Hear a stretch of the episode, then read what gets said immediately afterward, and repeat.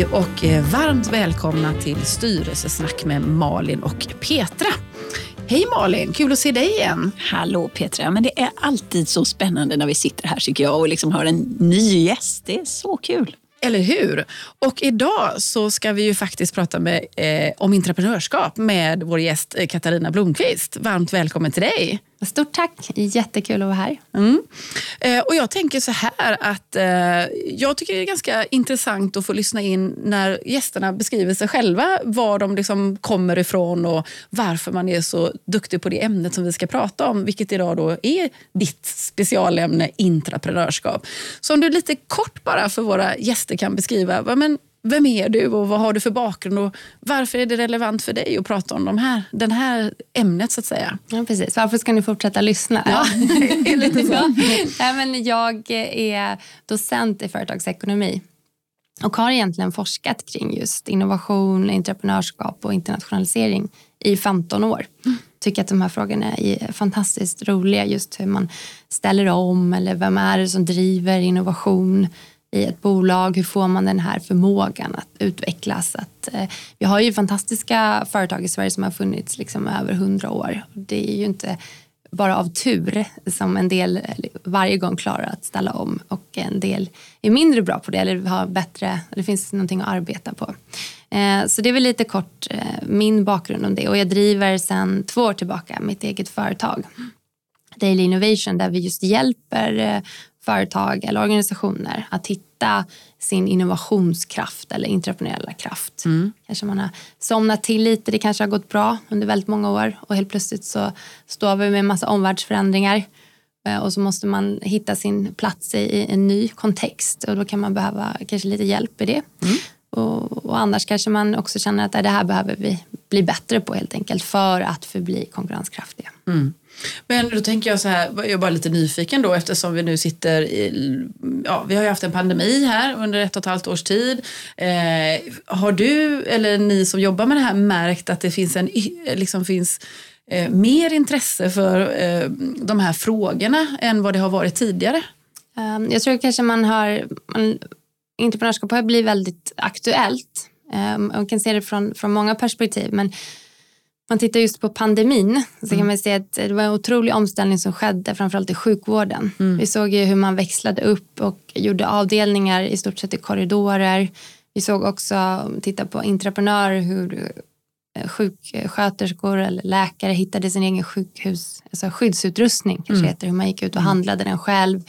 Eh, och liknande. Och det var ju en otrolig kraft som mobiliserades. Vi mm. ökade, nu kan inte jag numren, men det var otroligt många såna här intensivvårdsplatser som kom på plats. Mm. Eh, men det var ju lite med kniven mot strupen. Mm. Kanske inte under de bästa förutsättningarna. Många fick jobba väldigt mycket.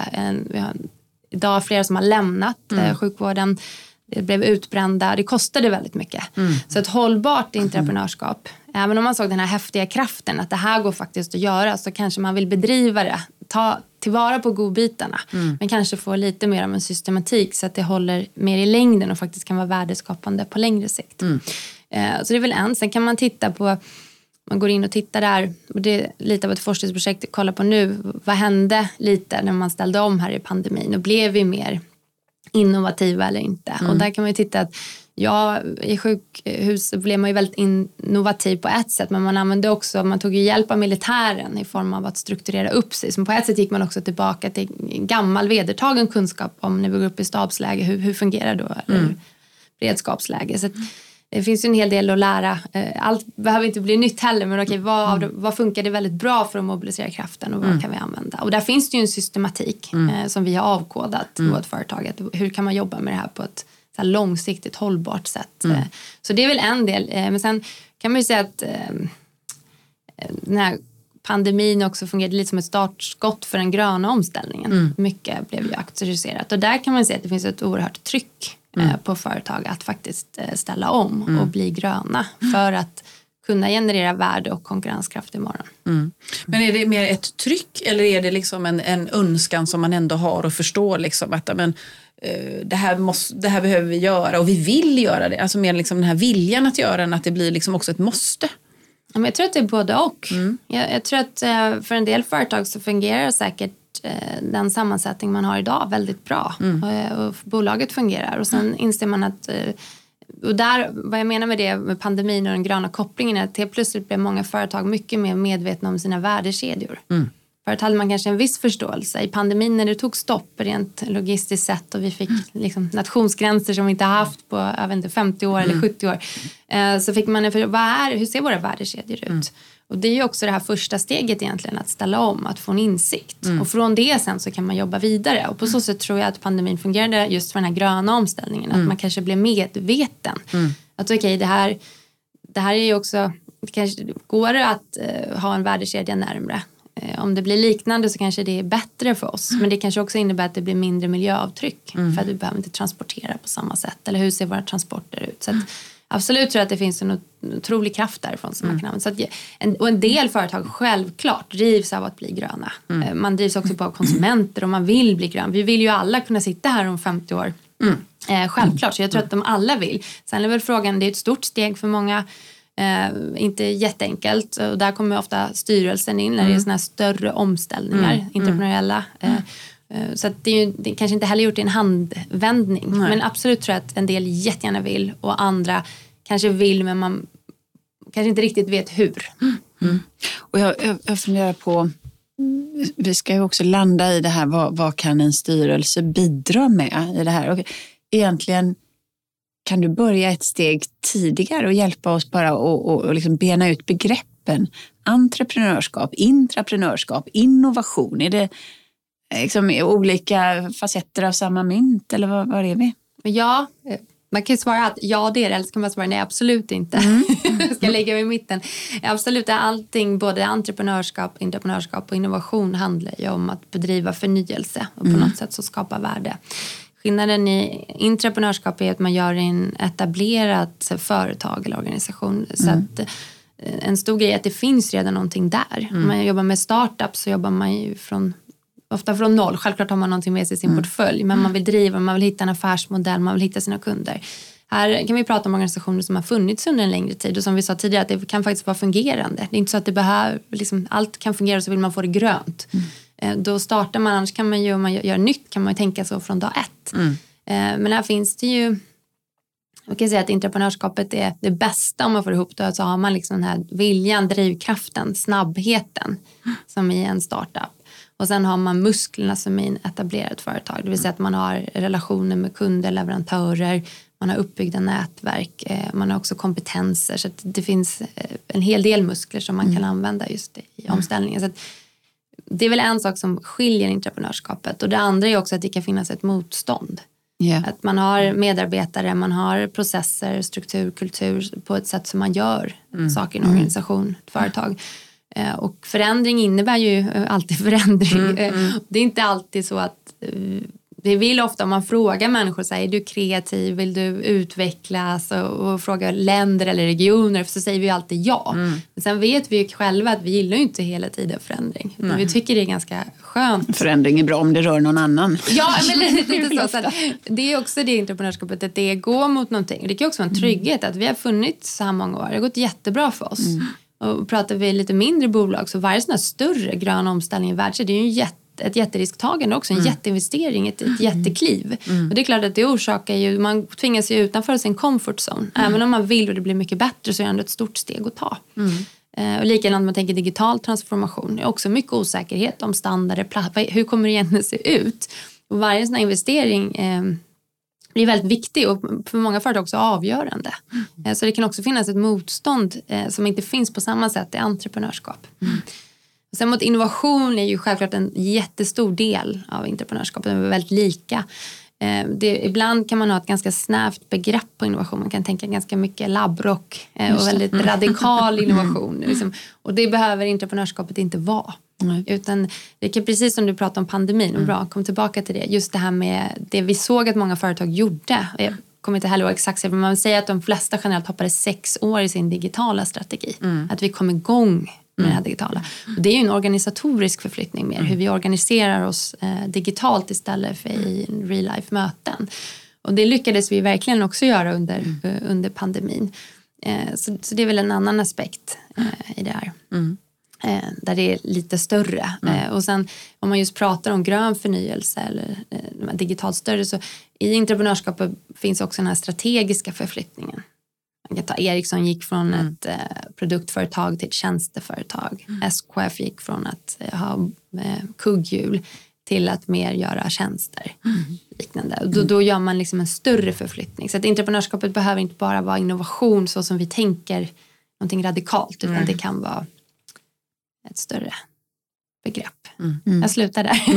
Ja, spännande. Ja. Nej, men jag tänker om vi liksom ändå tar styrelseperspektivet och, och, och där vi i styrelsen ändå måste möjliggöra för organisationen och för, för företaget att göra förflyttningar och, och där vi kanske alla är överens, alltså ägare är överens, styrelsen, vd, ledningsgrupp, alla förstår eh, att vi behöver liksom förändra saker och ting eh, och lite det här osäkerhet, vad är våra satsningar då? Vad är det som ligger närmast för oss att förändra i den riktningen som vi behöver gå? Och då, eh, hur, och då tänker jag alltid så här, liksom, hur kan jag som styrelse eh, engagerad hjälpa vd och företaget och ledningsgruppen med den här frågeställningen? Var börjar man någonstans?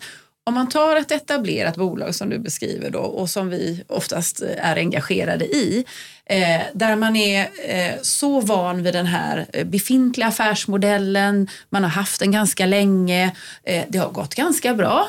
Eh, så, och, och vad är incitamentet liksom för att göra det här kanske lite längre fram senare? Alltså, hur ska vi som styrelse ändå börja, börja förhålla oss till frågan eh, och hjälpa liksom, i dialogen och, och, samtalet kring det? Vad, där tänker jag att du har massa tankar. Ja, jag tänker framförallt att det kommer den här liksom, heta frågan alltid med närhet och krav. Alltså hur nära ligger en precis. styrelse, vd och vilka krav och hur mycket ska man vara involverad. Där sitter jag inte på något svar. Så jag Nej. tänker det får man väl hålla i bakhuvudet när man diskuterar de här frågorna. Men eh, tittar man just på förändring så är ju styrelsen väldigt, väldigt viktig. Och det kan man ibland glömma av. Man glömmer liksom av att de här, om man säger då entreprenörskap, de här större strategiska förflyttningarna, om vi just pratar grön förnyelse och grön innovation, då är styrelsen väldigt viktig. Det spelar en avgörande roll för att man ska komma framåt. När du säger man, vilken är man när du uttrycker det nu? Är det mer liksom organisationen som, som glömmer av att styrelsen är viktig eller generellt sett att vi inte liksom börjar i den änden? Men jag tror styrelsen själv ibland Okej. Man kanske känner så här, ja, hur viktigt är det att vi, och det beror på där lite vilken syn man har. Okej, ska vi ge utrymme eller ska vi vara pådrivande? Men vi kan se då från den här forskningsrapporten som jag var med och medförde, genomförde 2019 att styrelsen är jätteviktig för grön omställning. Eh, Så där finns det ett väldigt stort eh, ansvar och utrymme att ta.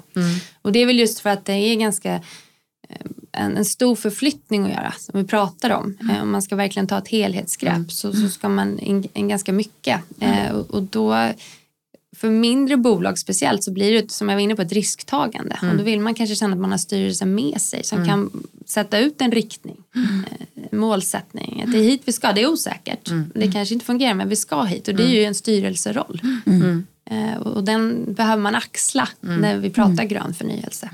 Och där tänker jag också, liksom, när det är stora investeringar så behöver vi också ägarna med oss. Det är ju inte alltid, eh, alltså, eh, ägarna är med på, på banan liksom, med att, eh, att vi behöver göra den typen av investeringar och som till, till exempel också skulle behöva finansiering av ett eller annat skäl. Liksom. Så att där kanske man också behöver jobba med förankringen med ägarna så att det funkar bra i, liksom, i den, i det, att axla det svar, ansvaret och ha med sig dem. Tänker jag också. Vill du säga någonting Malin? Ja, men jag tänker, ehm, och du var inne på det Katarina också, ehm, för jag hade skrivit ner här, alltså, din fråga först Petra, då, ska, hur ska styrelsen möjliggöra entreprenörskap? Och då skrev jag, ja, men ska inte styrelsen kräva entreprenörskap? Alltså vad, vad blir rollen? Och då, då funderar jag vidare på ehm, min egen bild utifrån liksom mina olika styrelseuppdrag, både nu och tidigare. Att, att hur, hur kan jag som styrelse ställa krav och hur kan jag, framförallt då gillar ju styrelser att mäta.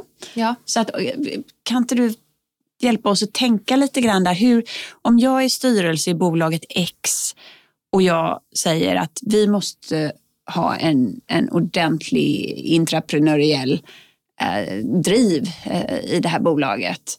hur ska jag säkerställa att så är fallet? Hur, hur vet jag det? Om det finns Om det eller finns. inte. För ja. då säger vd att jajamän, vi är så intraprenöriella så du kan inte tro. Ja, eh, och, och, det är väl en bra, bra utgångspunkt. Jag tror också som du är inne på att eh, just det här att man är värdeskapande Ja. och inte värdebevarande. Eh, och att, eh, och det är också ett val, men så kan vi se om man generellt sett pratar innan jag går in på det här med att mäta och identifiera och förlösa. Så det första är väl den här målsättningen. Att man eh, kommer till den. Om man säger, vi i vårt bolag erbjuder, det heter ju Daily Innovation. Då har vi en process som heter 364. Ja. Då är tanken att ni ska fråga varför inte 365. Och då ska jag säga en dag är ledigt, för att det kan man behöva. Eh, Men tanken är just där att eh, det första är, den första processen egentligen att ha målsättning. Och då komma in till att vi vill ha värdeskapande. Vi vill ha grön innovation eller vi vill ha förändring i innovation. För det är också ganska skillnad om tittar nu det som har varit i grön förnyelse. Så många som har varit med eh, att minska minska avtrycken. Det är inte riktigt samma utveckling som att skapa värde och konkurrenskraft. Till en viss del kan man ju ställa om genom att minska de resurser man använder, hur vi förflyttar oss i ett bolag eller sätta upp olika policy och så. Det andra är att tänka, vad är vi i en grön affärsmodell? Vad, är, vad är vår målsättning? Vad vill vi vara? Hur kan vi ställa om? Och då är det innovation. Och det är väl den här första i entreprenörskap, att man skapar den målsättningen. Att vi, för oss handlar självklart säger jag inte att det är ett viktigt steg, men att man också lyfter sig. Att här är det viktigt med innovation och förändring. Jätteviktigt. Och sen just som du är inne på den här, man kan faktiskt mäta. Man kan utveckla att det finns en systematik i entreprenörskapet. Det går att eh, avkoda hur Ja. det här fungerar. Och sen är det självklart, det finns en mall och den måste alltid anpassas till alla företag, precis som allting alltid behöver. Men det finns om man säger ett skelett som man kan hänga upp det på. Eh, och sen uppföljning på det. Eh, som alltid, att ställer man krav, mm. inne på mm. Petra, att okej hur mäter vi upp det här? Hur följer vi upp det här? Hur kan vi se att vi faktiskt utvecklas i linje med den här målsättningen? Och finns det några hållpunkter i det här skelettet? Alltså, Ja, det gör det. Det finns flera, flera hållpunkter. Men om man just eh, eh, tittar, om man sätter de här tre först. Att okej, vi vill jobba, vi har målsättning, vi vill jobba systematiskt. Ja. Och vi vill mäta upp det. Då har vi identifierat sex drivkrafter. Det är en, självklart först är den här viljan då.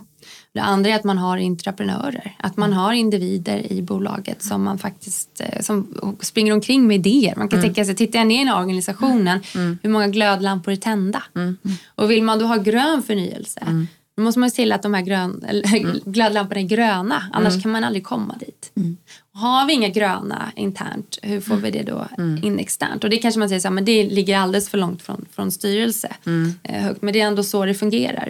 Och, då kan vi se när man har tittat på styrelse att man ofta, i varje fall i mindre och mellanstora bolag, har man en väldigt stor kunskap om vem som just är en innovatör, en entreprenör. Det vet man även på styrelsenivå. Man vet vilka de här glödlamporna ofta är. Man, där famlar man inte i blindo egentligen om man tänker om man ska gå in med resurser. Så det är inte så att man börjar, generellt sett i varje fall, en blank. Eh, och sen också ledarskapet är väldigt viktigt i entreprenörskap. Och här kommer ju styrelsen in. Man sätter de här liksom, målen, tar framåt men också skapar resurser, skapar utrymme, talar om att det här är viktigt. Eh, och där har vi satt upp just det här med närhet och krav. Vi tittade då på vilka roller kan man ha.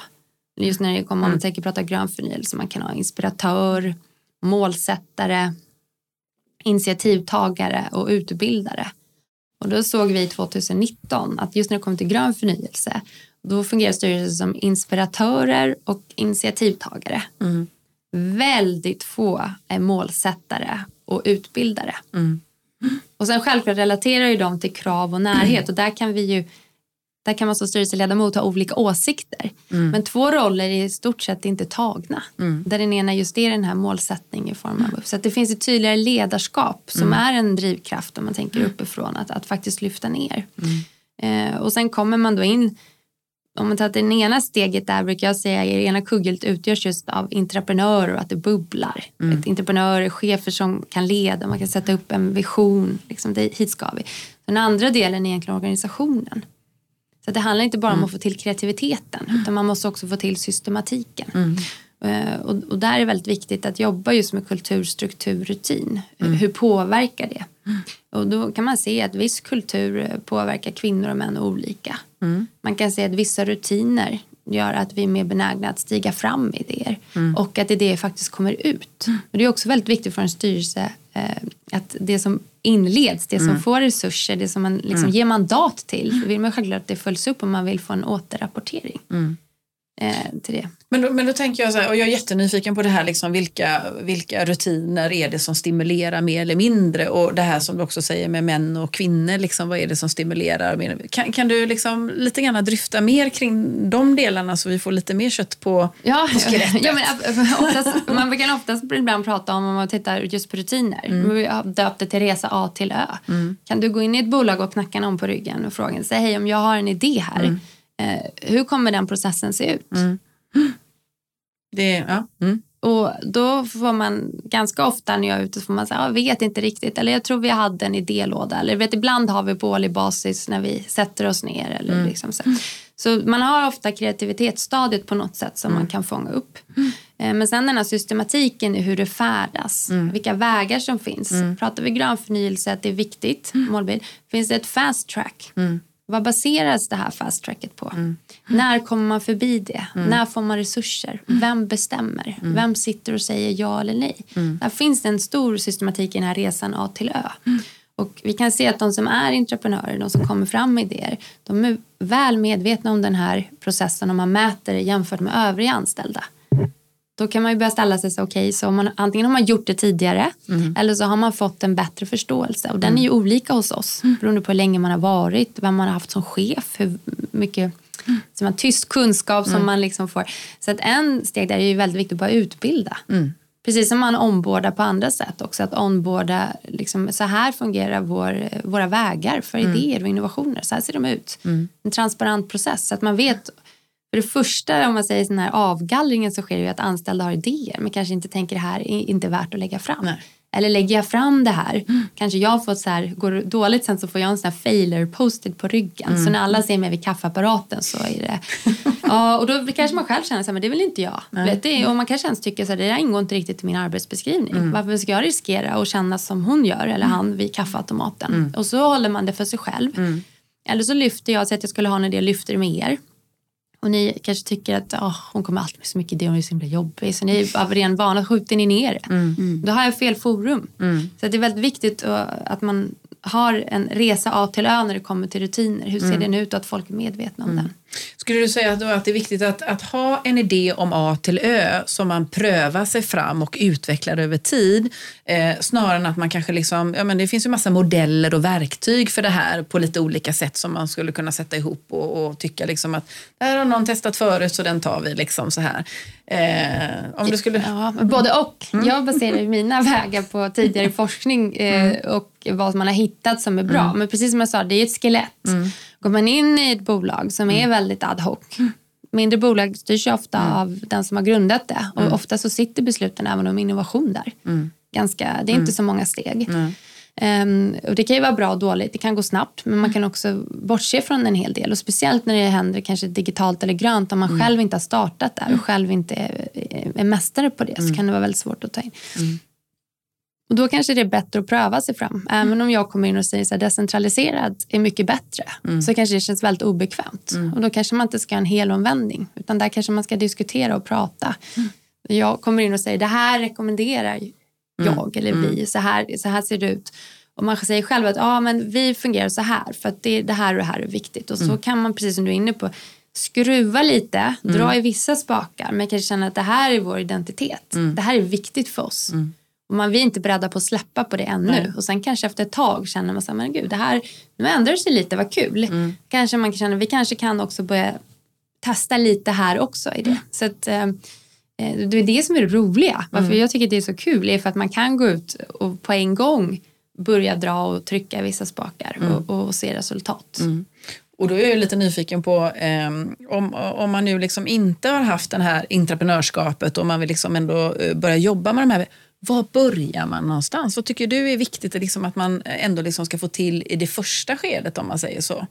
För det är väl oftast det som folk frågar efter tänker jag. Men om vi har, det finns så mycket att göra. Ja. Eh, och, och, och, och, vilket steg ska jag ta först? Den här första instruktionen om man säger så. Ja, men det måste ju för mig bli den här målsättningen. Ja. Att man tycker att ja, innovation är viktigt. Mm. Och är det grön förnyelse så vi ska hitta liksom Mm. en grön affärsmodell, grön innovation, dit ska vi. Mm. Eh, och sen är det ju att egentligen, jag, enligt mig så Mm. skulle man ju vända sig till mig. Så att jag, för vi har ju möjlighet att gå ut och identifiera, det vill säga skicka ut ett verktyg digitalt där man kan titta på en hel organisation Mm. mellan 10 till 3000 anställda och se hur ser det ut. Och då får man liksom innovationskraften eller entreprenöriella kraften som inkluderar både medarbetarna och chefer, den här viljan. Och den andra är det som man kanske oftare glömmer. Företaget tenderar att vara mycket bättre att jobba med engagemang hos medarbetare och eh, kreativitet. Men just den här systematiken är ofta den som man kanske behöver mer hjälp med. Hur ser just våra rutiner, kultur, struktur ut? Och då får man båda de här. Eh, som jag brukar säga två kugghjul. Och då kan man se vad snurrar i det ena kugghjulet och vad snurrar i det andra. Kanske ha en förträfflig kultur för att få både kvinnor och män att stiga fram. Men sen kanske man saknar idéer. Det är så okej, och då måste man börja titta på hur kan vi få igång det. Eh, men här, när det väl kommer igång, då kommer det snarare väldigt bra. För här finns det processer som kan fånga upp det här. Men om man flyttar sig tillbaka eh, lite grann till, till styrelserummet. Precis. Mm. Eh, där tänker jag. För att, för att, mm, där är också den här balansgången. Eh, jag skulle älska att göra precis det du säger Ja. i styrelserummet. men jag känner att då skulle många vd tycka att jag la mig i lite för mycket Ex- av operativa frågor. Ehm, så, så att ehm, det jag sitter och funderar på det är på, på de allra flesta styrelseagendor just nu så står sustainability Mm. och grön omställning. Men inte alla kopplar ihop det med liksom en grön, ett grönt, grön omställning ur ett intraprenöriellt perspektiv. Så kan du ge mig några liksom, tips och tricks eh, som För det, ja, men jag tror den ena är just den här om det är värdebevarande eller liksom värdeskapande. och, då ska jag fråga det. Ja, liksom att vad vill vi? Vad är Ja. vår målsättning? Är det, Handlar det om att eh, titta, och, vi kan se att nu är datan från 2019. Då var inte sustainability på agendan. Nej. Jag har precis avslutat ett annat forskningsprojekt där vi tittat på de största svenska multinationella bolagen eh, på MX. Vi ser att de senaste tre åren, tre till fem, som man har börjat ta ett helhetsansvar. Ja. Och vi vet att de brukar ligga lite i, i före. Eh, och samtidigt kan vi se att i styrelser generellt så är man ingen motstånd mellan vinst eller profit och grön omställning. Eller mellan innovation och grön omställning. Men precis som jag sa, att man är väldigt duktig på att hitta sina nyckel Eh, mm. innovatörer eller entreprenörer. Men när vi har frågat då, hur ser det ut eh, om man tror att liksom, konkurrenskraft framgent kommer vara via grön innovation. Då är det väldigt lågt hos styrelser. Det är ju intressant. Och det innebär att man jobbar kanske med sustainability. Och frågan är då, jobbar man utifrån innovation och värdeskapande? Men allt jobbande med sustainability är ju bra. Och tittar vi, att gå tillbaka till 2019 så fanns det inte ens på agendan i de flesta. Det fanns återkommande ofta på årlig basis eller kvartalsbasis. Men inte vid varje möte. Men Det var liksom inte en stående punkt. Och vi ställde även det i relation till internationalisering och kompetensbrist. Då ser man att jämfört med de frågorna så var hållbarhet mycket, mycket Mycket lägre ner. Liksom att eh, av åtta olika frågor så låg hållbarhet 2019 längst ner hos styrelser i mellan och små bolag. Så att det var 2019 inte den här frågan som var över. Så nu har det hänt otroligt mycket, speciellt den här sommaren. Så det, det har säkert skett ett otroligt skifte. Men då tittar vi på de här rollerna som jag var inne på. Där är ju också, tror jag, en sån här fråga är det den här gröna omställningen någonting? Hur ska närheten och kraven se ut? Är det här ett special case? Liksom? Det kommer gå fort. Vi kommer snart ha lagstiftning eh, som kommer göra att eh, vissa bolag inte kan eh, ha dem, den uppställning de har idag. Och det blir definitivt en styrelsefråga. För är frågan om överlevnad. Hur ställer vi om? Just det. Och då, och hur, vilken tidsaspekt har man på det? Vill man kanske gå in mer som målsättare? Vill man kanske gå in mer som utbildare? Vi vet att styrelseledamöter ofta är väldigt eh, utbildade, har otroliga nätverk, sitter väldigt mycket kompetens. Hur kan det gå in i organisationen kanske? Och då vill man ta sig an det? Även mm. fast man kanske känner att man inkräktar på någons område. Så det blir en fråga där var man står. Mm. mm. Jag, tänker, jag, jag utmanar dig lite grann Malin eh, i det här med om, om man ska lägga sig i eller att man mm. kanske blir för mm. operationell. Eh, och då tänker jag så här, när det är kanske de lite större frågorna och framförallt, det beror ju lite grann på, men, men om de här medelstora bolagen ändå är mm. det, så. Eh, då uppfattar jag i alla fall att både vd och ledningsgruppen välkomnar att styrelsen då, precis lite grann som du är inne på där Katarina, eh, med sin erfarenhet från flera olika, kanske andra bolag, eh, med sina eh, ja, men resor i, där och, och kunskaper eh, berikar den dialogen vad ska det då vara? Och, och, det är klart, så länge vi kan liksom hålla det till dialog och inte man, lägger, man liksom går längre in i den operativa delen mm. eh, så uppfattar jag att, att de allra flesta vd och ledningsgrupper är, är väldigt välkomnande till den dialogen med, med styrelsen.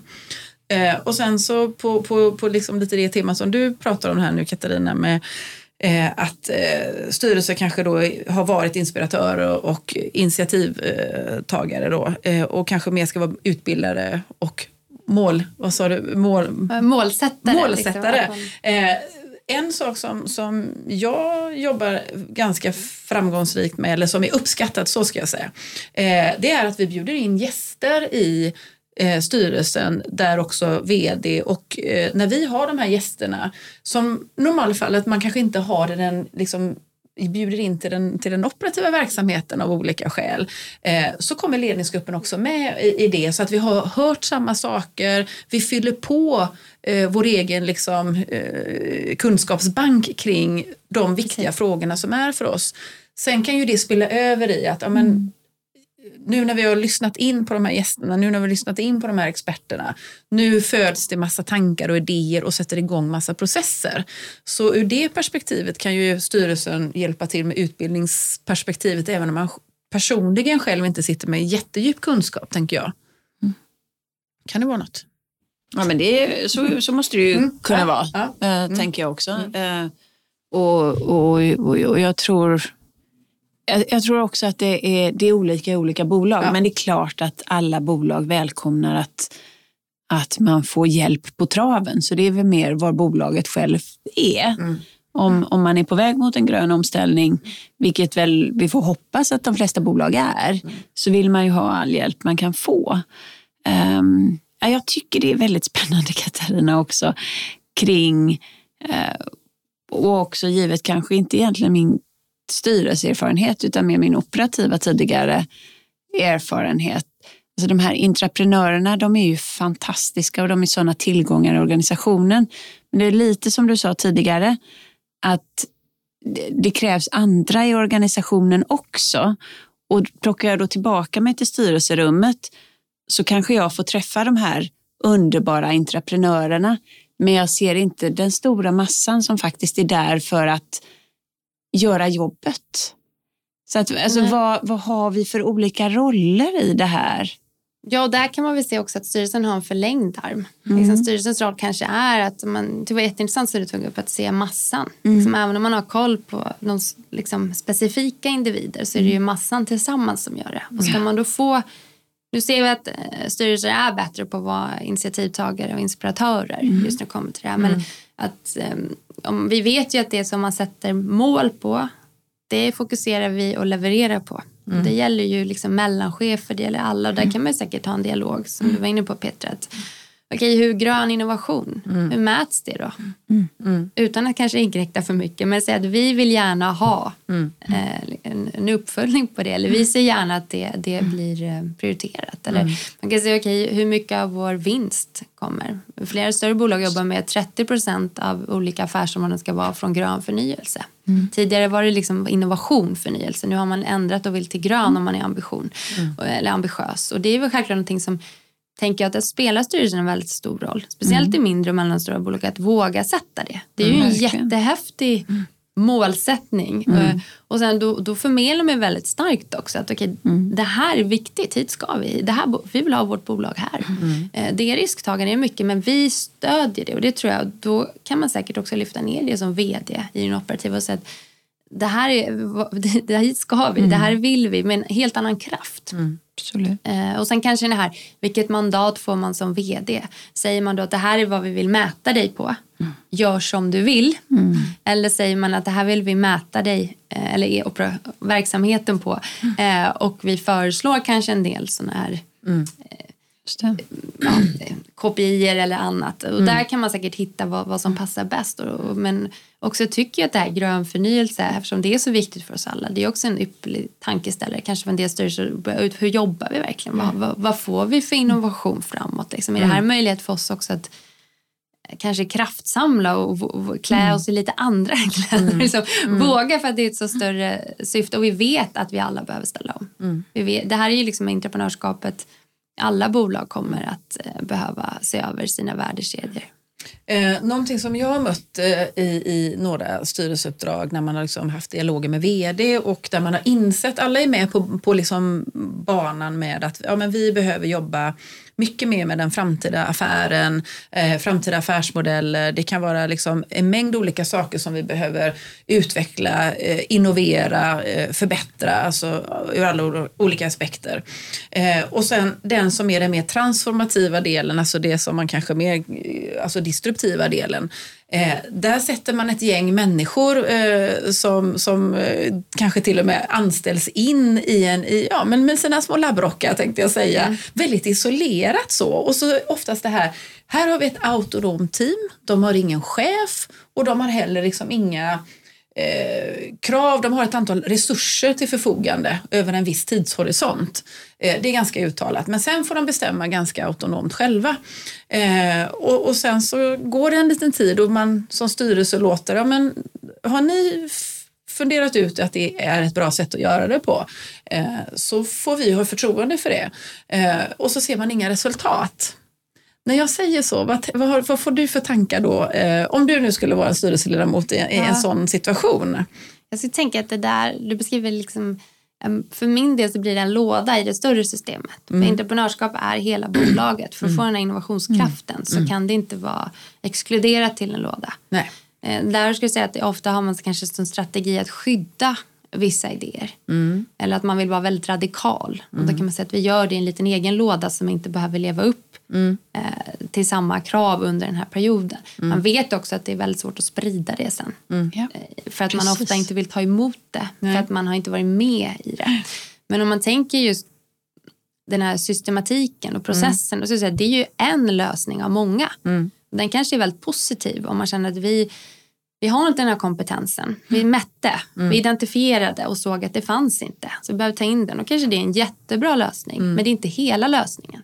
För att du missar resterande av organisationen där vi också vet att väldigt mycket nya idéer kommer från kunder och leverantörer. Och det, de som möter dem är inte de samma som är i den här boxen.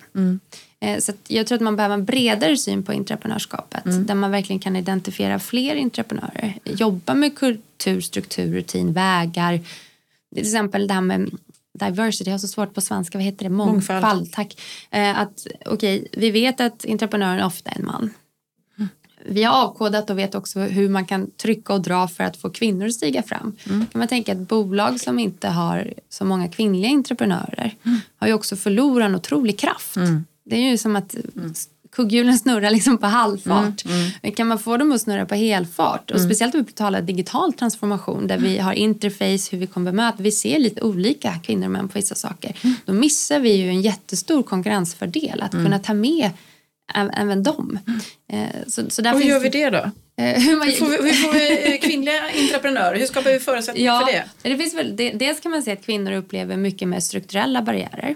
Att man, har, man upplever det i, i organisationer generellt sett just när det kommer till innovation. Och där är de här vägarna jättebra. För du går tillbaka just till in, liksom, kunskap som är tyst eller som är delad. Om det finns en onboarding för det. Kan jag knacka någon på ryggen som kan säga ja, så här ser A till Ö ut hos oss. Finns det inte det så tenderar kvinnor kanske att känna att jag vet inte riktigt och då blir strukturella barriärer högre. Sen finns det andra strukturella barriärer som man kanske behöver jobba med. En är att kvinnor generellt tenderar att underskatta sig. Alltså sin förmåga att driva innovation. Och då behöver man jobba med det. Eh, sen kan man säga att förebilder är väldigt viktiga. Att man har en kultur. Bäst på det är ju, även ett sånt uttjatat exempel, men Steve Jobs. Alla visste att han hade en svart polotröja. Ville du vara en entreprenör på Apple så visste du egentligen hur du skulle klä dig, hur du skulle se ut, hur du skulle tala. Hålla. Eh, vi kan se att för kvinnor är det viktigt med förebilder, både manliga och kvinnliga. Helst kvinnliga. Men, ehm, och vi kan se samtidigt att det inte är lika viktigt för män. Men har man då en organisation där man inte har fått in den här kraften med att få kvinnliga då behöver man tänka över hur ser våra strukturer och kulturer ut? Är de tydliga? Kan man orientera sig efter det? Finns det kanske hinder här? Att man öppnar upp de ögonen men också att man kanske jobbar med um, workshops eller utbildningar. Vad, är innovation? Varför är det viktigt? Varför vill vi ha ert perspektiv? Är det kompetens som saknas? För ibland kanske det är kompetens. Det kanske inte är så att man underskattar utan jag har inte det. Vi ska ha en grön resa. Jag har inte det. Och då kanske man faktiskt får se till att liksom utbilda det och, och se till att okej, okay, då boostar vi upp det här så att vi, vi står liksom rustade för det. Eh, och sen kan man se för män så män triggas mycket mer i, i competition. Mm. Mer tävlingsriktade. Eh, så att en kultur som har mer av tävling i sig Mm. eh, gör att män blir liksom mer taggade att stiga fram med sina idéer. Det är också viktigt men det fungerar inte alls för kvinnor. Så då kan man ju tänka, nu kan alla som lyssnar tänka hur ser det ut hos oss? Liksom? Vad har vi kanske med kvinnor eller män? Det kan vara en sån. Så det kommer inte enskilt en av de här men om det finns flera knappar att spaka på att lyfta och trycka då tenderar det att skifta. Mm. Ska man mixa det här då? För man vill ha liksom både och. Då. Ja. För man vill ha den hundraprocentiga potentialen av män och kvinnor i bolaget. Ja. Då. Ska man både tävla och, och, och jobba med förebilder mixat? Eller liksom? Ja, jag tänker, ja, men absolut. En insikt av det som kommer mer och mer i HR-forskning det är det att vi ofta pratar generellt om kultur. Vi tror att alla medarbetare påverkas likadant av kultur. Så är det inte. Nej. Utan vi svarar väldigt olika. Och här börjar man ju nu, man kan ju gå ner på jättenivå. Dit har forskningen inte kommit. Nej, Man okej. kan säga. Men man kan se att på kvinnor och män om man testar vissa, det är en ganska enkel eh, skillnad. När man har börjat då så ser man att man ska inte behandla kultur längre. Som, det finns en företagskultur men den kommer slå olika på olika individer. Och självklart också vad man, vilken funktion man är på. Sen vet vi ju alla som har varit inne i organisationer stora att det finns ju mikrokulturer. Det kan finnas en i ett labb. Och den kanske man har en övrig organisationskultur som är på ett sätt, men i ett labb kanske den är väldigt mycket med en förebild. Det kan vara väldigt mycket tävling eller liknande. Men alltså ibland kan man också behöva en sån här identifiering som vi gör för att se hur ser det ut? Kan se ut i olika länder. Det kan se ut olika i olika dotterbolag. Så den här en företagskultur, även om man har det i mission och vision så behöver inte den se likadan ut i företaget. Eh, Men är det, eh, menar du på liksom att det är ingen nackdel då att man har de här liksom olika kulturerna? Det, det funkar minst lika bra. För att när du säger, säga vision och mission, och jag, jag hör ju detta från väldigt många, eh, framförallt vd och ledningsgrupper, att vi är så splittade, det, de håller på med någonting där borta. Nej, nu måste vi bli enade, vi måste komma samman som en kultur. Eh, skulle du säga att det är möjliggörande eller mer hämmande? Oj, det var en jättesvår fråga. Men så så här, jag säger, får jag backa tillbaka till mig. Målsättning, där måste man ha en. Okej. En vision liksom. Och hit, hit, Är det grön innovation? Absolut, men det har ju många mål. Det har många liksom, avcheckningar på vägen. Ibland kanske man vill släppa någon fri. Och säga så här, det här resultatet vill jag ha. Kanske funkar jättebra. Vissa delar av organisationen. Ibland kanske man behöver, här behöver vi lite utbildning hur vi tar oss dit. Vi behöver lite mer handhållning. För att det är helt nytt för den här avdelningen. Vi har inte jobbat med det här tidigare. Så, att, så jag tänker, där är det ju inte dåligt att det finns olika vägar, olika sätt att gå tillväga. Sen klart, man kan inte anpassa allting. Men den här systematiken ska ju också vara en. Och sen kan man ha fast track, det vill säga du kan göra avknoppningar på den, men de ska också vara transparenta. Det ska inte vara så att jag hela tiden skulle säga ja till dina projekt och inte till dina. Och så ska man tänka så här, vad, vad beror det på? Ska man då kunna säga så här, men alla dina projekt eh, har varit gröna, dina har inte varit det och vi har ett fast track för grönt. Ja, helt plötsligt behöver inte jag känna att det är jag. Nej. Det var ett väldigt enkelt exempel, men, men på den tiden så att, eh, det är väldigt vik- viktigt med transparens också. Att, eh, varför får det där projektet vara en skyddad låda? Jo, därför att det ska hit och dit. Så att, eh, men absolut en, och en kultur har man ju ofta i företaget. Men man kan ju vilja ha, man kan ju till exempel för att driva innovation så är en ambitiös kultur väldigt, väldigt viktigt. Mindre viktigt att ha vad vi i Sverige kan kanske kalla för en omfamnande. Med det här alla ska med på tåget. Det är mindre viktigt, speciellt om det handlar om att driva radikal innovation. Sen kan det vara väldigt viktigt för att folk ska komma in på arbetsplatsen. Som vi också vet är väldigt viktigt. För att vi ska liksom samtala och så här. Så det är inte helt svartvitt och det är därför man behöver identifiera se var man befinner sig. Liksom. Vad är vi starka på, vad är vi mindre starka på? Trycka och dra lite och sen upp, följa upp och så mäta igen. Liksom, Mm. på, så att man Och kom- justera hela, efterhand. Exakt, hela tiden. liksom, så. Så att det här är någonting, vad det börjar med att säga att, att vissa företag är duktiga på innovation. Det är för att det är, precis som daily innovation, det är deras DNA. Mm. Det här är liksom hela tiden, det är inte en kreativ workshop här. Eller det är inte någonting vi lägger på på sidan. Utan det här är, vill vi vara med imorgon. Mm. Innovationskraft, that's it. Liksom. Och då jobbar man hela, hela tiden med det. Mm. Eh, och, och det kan väl egentligen det man kan lära. Att den här avkodningen av systematiken, Mm. att, att den byggs på den här visionen. Men det ställer ju också väldiga krav på, det är inte, det är inte, en, det är inte negativt, Nej. men det ställer ju väldiga krav på ledarskapet. För att det är ju, om man ska ha lite olika öar och man ska, vad du säger är egentligen också att som ledare så måste du känna av vad är det jag ska promota här och här ska jag ställa lite mer krav och här ska jag lämna frihet och här ska jag utmana. För det är ju någonstans så att vi vill ju ha jag sitter och tänker att ja, men vi vill ju faktiskt att alla ska känna i organisationen ska känna att de är en del av entreprenörskapet. Även om jag inte är den som är idésprutan på alla möten så har jag ändå en viktig roll att, att, att fylla.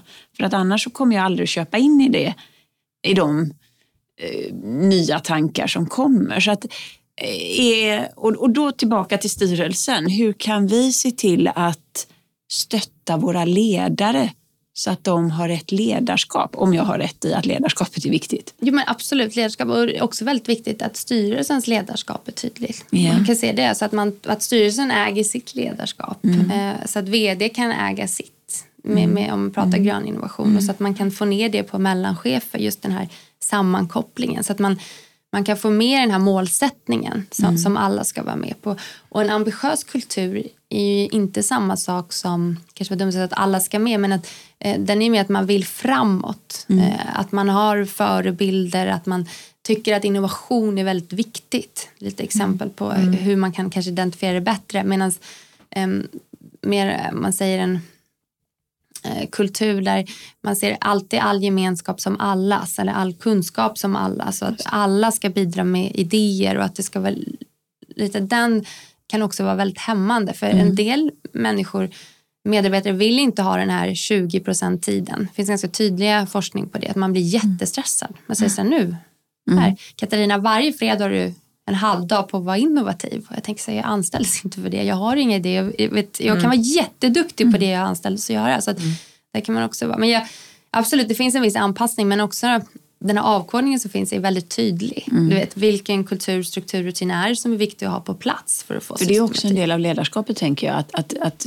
stämma av då att ja men du ska inte få 20 procent för det, det blir bara hämmande men däremot ska du kunna olja maskiner, alltså möjliggöra Exakt. och därmed köpa in och känna att du är en del Precis.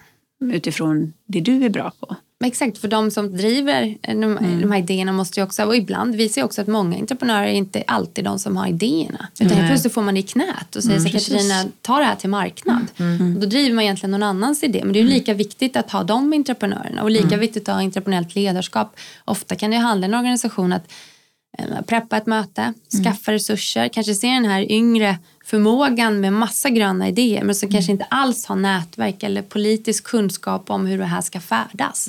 Hur kan jag skapa utrymme eh, för den här eh, entreprenören att växa? Liksom, hur kan jag hjälpa? För det kommer gynna bolaget medan man som chef kanske inte är den som ska komma med, med idéer. Och där tänker jag att det ligger precis det här på styrelsen också. Man, man lyfter upp den nivå så kanske det som var inne på med de här boxarna om man ska säga en styrelse, kanske är jättebra att testa det. Det behöver inte vara en supervariation men att man får, får in hela att entreprenörskap är alla de här, liksom både strategisk förflyttning, organisatorisk och liksom innovation i i form av produkter och tjänster. Och att de behöver allas finnas med också från ett styrelseperspektiv. Eh, hur driver vi allt det framåt? Eh, eh, Men jag, jag, jag har mött eh, också den här eh, tanken om att eh, vi har den här befintliga affären där vi har våra medarbetare som, som då är, ja, men, har mycket att göra eh, och, och, och är ganska nöjda med den affären. Men så, så bestämmer man då kanske både från ägarhåll och styrelsehåll och vd-ledning liksom så här, nej men nu innovation, liksom, vi, det är ju lite, om jag slarvar så uttrycker sig så, men det är superviktigt för oss i framtiden. Vi, vi måste liksom jobba med de här bitarna för att vara relevanta eh, och nu måste vi liksom tillsätta resurser. Eh, fler behöver jobba med den här frågan. Eh, vi inser att alla kan inte jobba med den. Och så har man fått feedbacken på när man liksom kanske då från, det här är ett kommunikationsperspektiv och ett ledarskapsperspektiv, kommunicera till organisationen. Innovation är viktigt. Man kanske inte har tänkt klart hela, hela vägen eh, och att man upplever då att innovation, det är A-laget. Vi mm. som är den befintliga affären, vi är B-laget. Helt plötsligt var det finare att vara den som ska jobba med innovation än vi som varje dag skapa den här nuvarande lönsamheten som gör att vi kan investera i innovation. Om jag bara beskriver den bilden, eh, vad, vad, vad, är din reflektion då? Ja, det är precis det vi börjar prata om, det här mm. motståndet som mm. skiljer entreprenörskapet mm. från entreprenörskapet. Mm. Det finns något befintligt där mm. och det är bra. Mm. Och, och, det ska inte bort allting Nej. utan en del saker ska ändras och kanske läggas på och så kanske vissa delar eh, ska bort. Men det är väl just det, är väl det som är så fint vet, håsa mitt eget verktyg. Men också att man behöver inte börja i blindo. Det, mm. det finns liksom verktyg om man vill från styrelsen mäta det här. Så mm. finns det ju, det finns oss och det finns säkert andra också där man mm. kan gå in och säga så här, men okej, vad häftigt. Mm. Vi kan mäta den här organisationen för att mm. få en utgångspunkt. Mm. För att se vad fungerar bra. Alltså en nollmätning En då, nollmätning, jag, precis. Ja, en nollmätning och vi kommer tillbaka och säger det här är ni duktiga på. Det här fungerar bra. Eller, det finns också, man kan också se att efter det är ingenting med medarbetare som man egentligen kan styra på. Man tittar liksom på aggregerad nivå, flera tusen som Sofia index på. Efter visst antal tid, alltså visst antal år på en organisation så går man ner i innovationsförmåga. Mm. Har du då en avdelning eller ett team där du råkar ha många som blev anställda samtidigt, mm. då kan du nästan se med vår mätning att här är en liten avdelning där ni kanske bör ta in en mm. inspirationstalare eller liksom kanske ska gå igenom igen vår målsättning. Eller liksom för det är ingenting på någon personlig utan vad kan man se? Så det, finns, med det, är, det är mänskligt helt enkelt. Ja liksom, exakt, med data så. då kan man vara lite pro, liksom, mm. proaktiv och säga så, mm. okay, så att man kan göra en, om man säger, en temperatur och det är mm. det jag tycker är så kul. Man mm. får ju, och den är liksom på tre nivåer så den är först väldigt aggregerad sen kan man koppla ner mm. den och man kan jämföra olika funktioner, mm. medarbetare, mellanchefer, högre chefer, styrelser mm. för att se okay, vad, vad finns det entreprenörer, vad mm. finns det människor och vad finns det entreprenöriellt ledarskap. Och sen utifrån det kan man då ta in action processes och se, okej okay, här skulle vi vilja göra det, här behövs det. Här. Så mm. Sen kan man mäta nästa år och se mm. hur har vi förflyttat oss.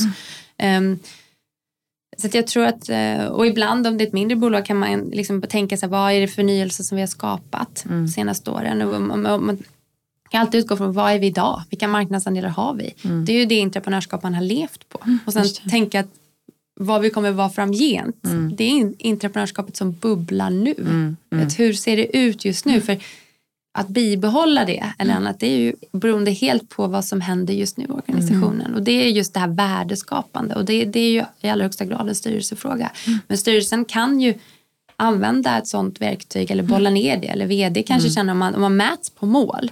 Kanske man som vd får säga du får göra som du vill. Men då kan det här vara ett bra sätt för en vd. Att känna sig jag får en en, en, en, utgångspunkt så kan jag rapportera upp det och då mm. kanske man själv som vd sen kan välja hur går jag vidare. Mm. Vet, hur vill jag sen designa det här eller göra det. Mm.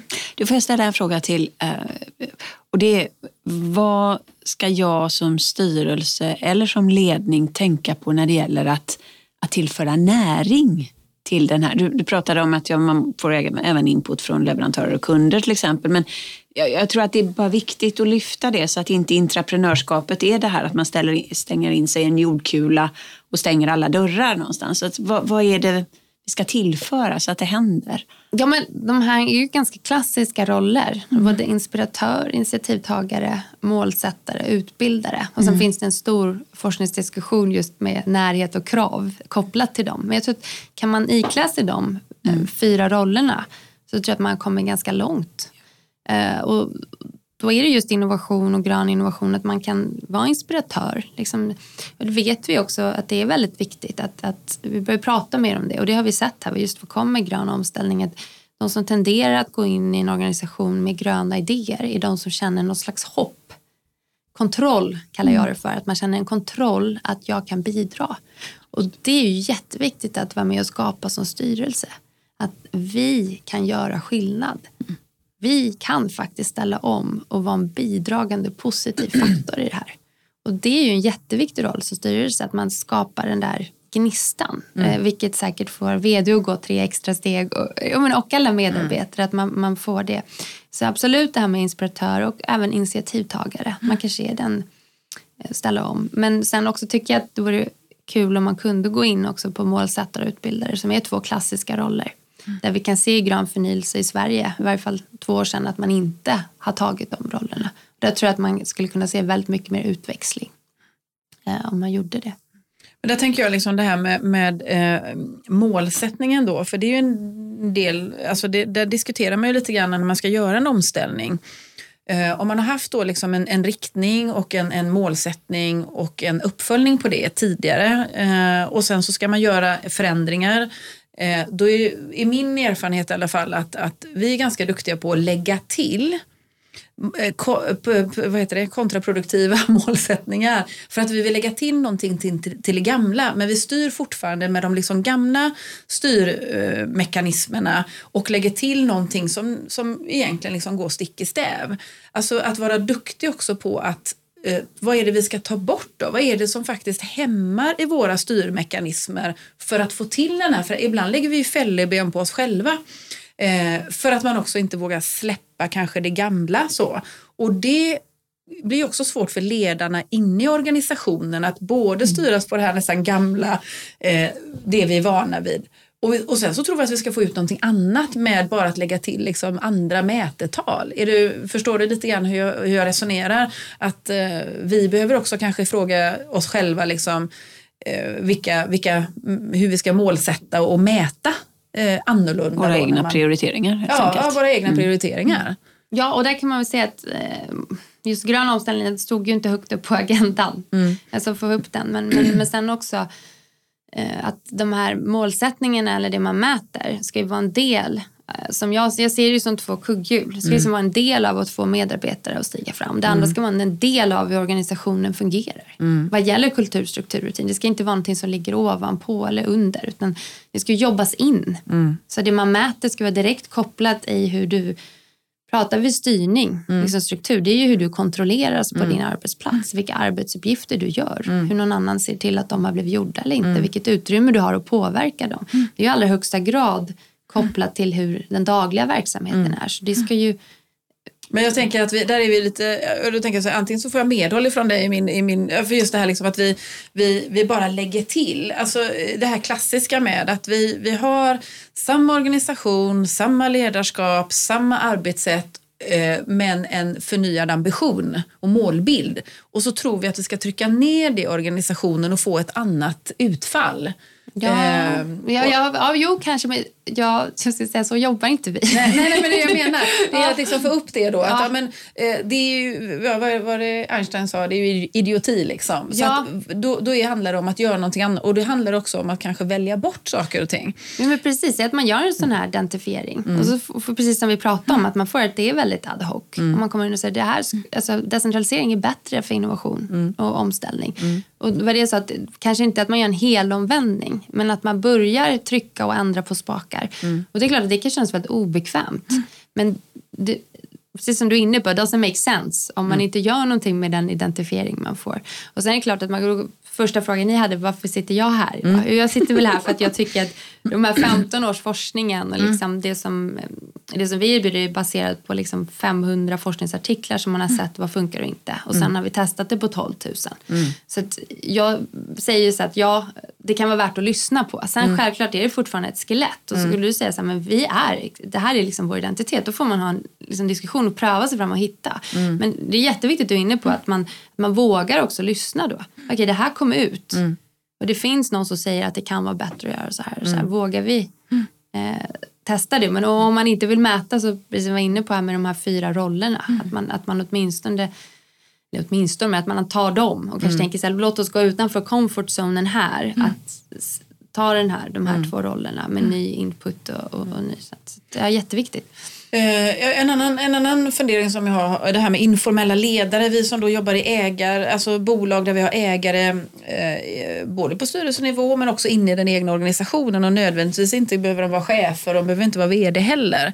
Eh, där medarbetarna ser ju dem som, som förebilder eller ledare, för de är bolagsägare eh, och kanske inte i deras formella roll då som kanske, eh, ja men de är ingen chef eller på det sättet bestämmer.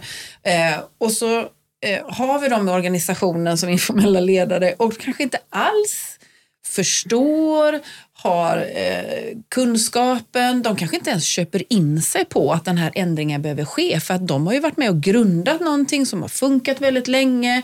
Eh, det här gamla och även om du säger att motstånd är bra eh, så tänker jag bara en sån person som in, informell ledare, alltså eh, hur, hur kan man jobba med dem, tänker jag? Är, är de bra eller är de lite mer motståndskraftiga liksom, som, som vi får kämpa med lite? Eller vad, vad, ja, hur tänker du? Nej, jag tänker att motstånd, jag vet inte om det är bra, mm. utan jag tänker att motstånd är en naturlig del Ja, okej. av Mm. entreprenörskapet. Och sen är det just den frågan du ställer, hur Mm. hanterar man det motståndet? Eh, För att det är en jätteviktig fråga, för det är det som gör att vissa företag kommer framåt. Mm. Och där kan man ju prata pratar selektion, Mm. det vill om vi tar de här vägarna. Så säg att vi tittar ner i ett företag, det finns en massa idéer. Vilka i- väljer vi upp? Mm. Eller vilka tar vi upp? Plockar vi upp och tycker så här, här ger vi resurser och tid. Så som, eh, och just där kan det ju vara så att man har informella ledare.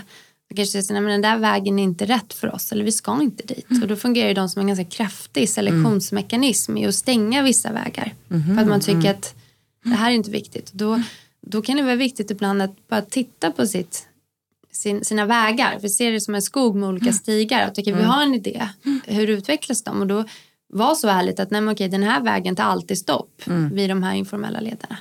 Eller de här informella är verkligen gatekeepers på många sätt. I form av resurser eller i form av att ge stöd eller inspirationer.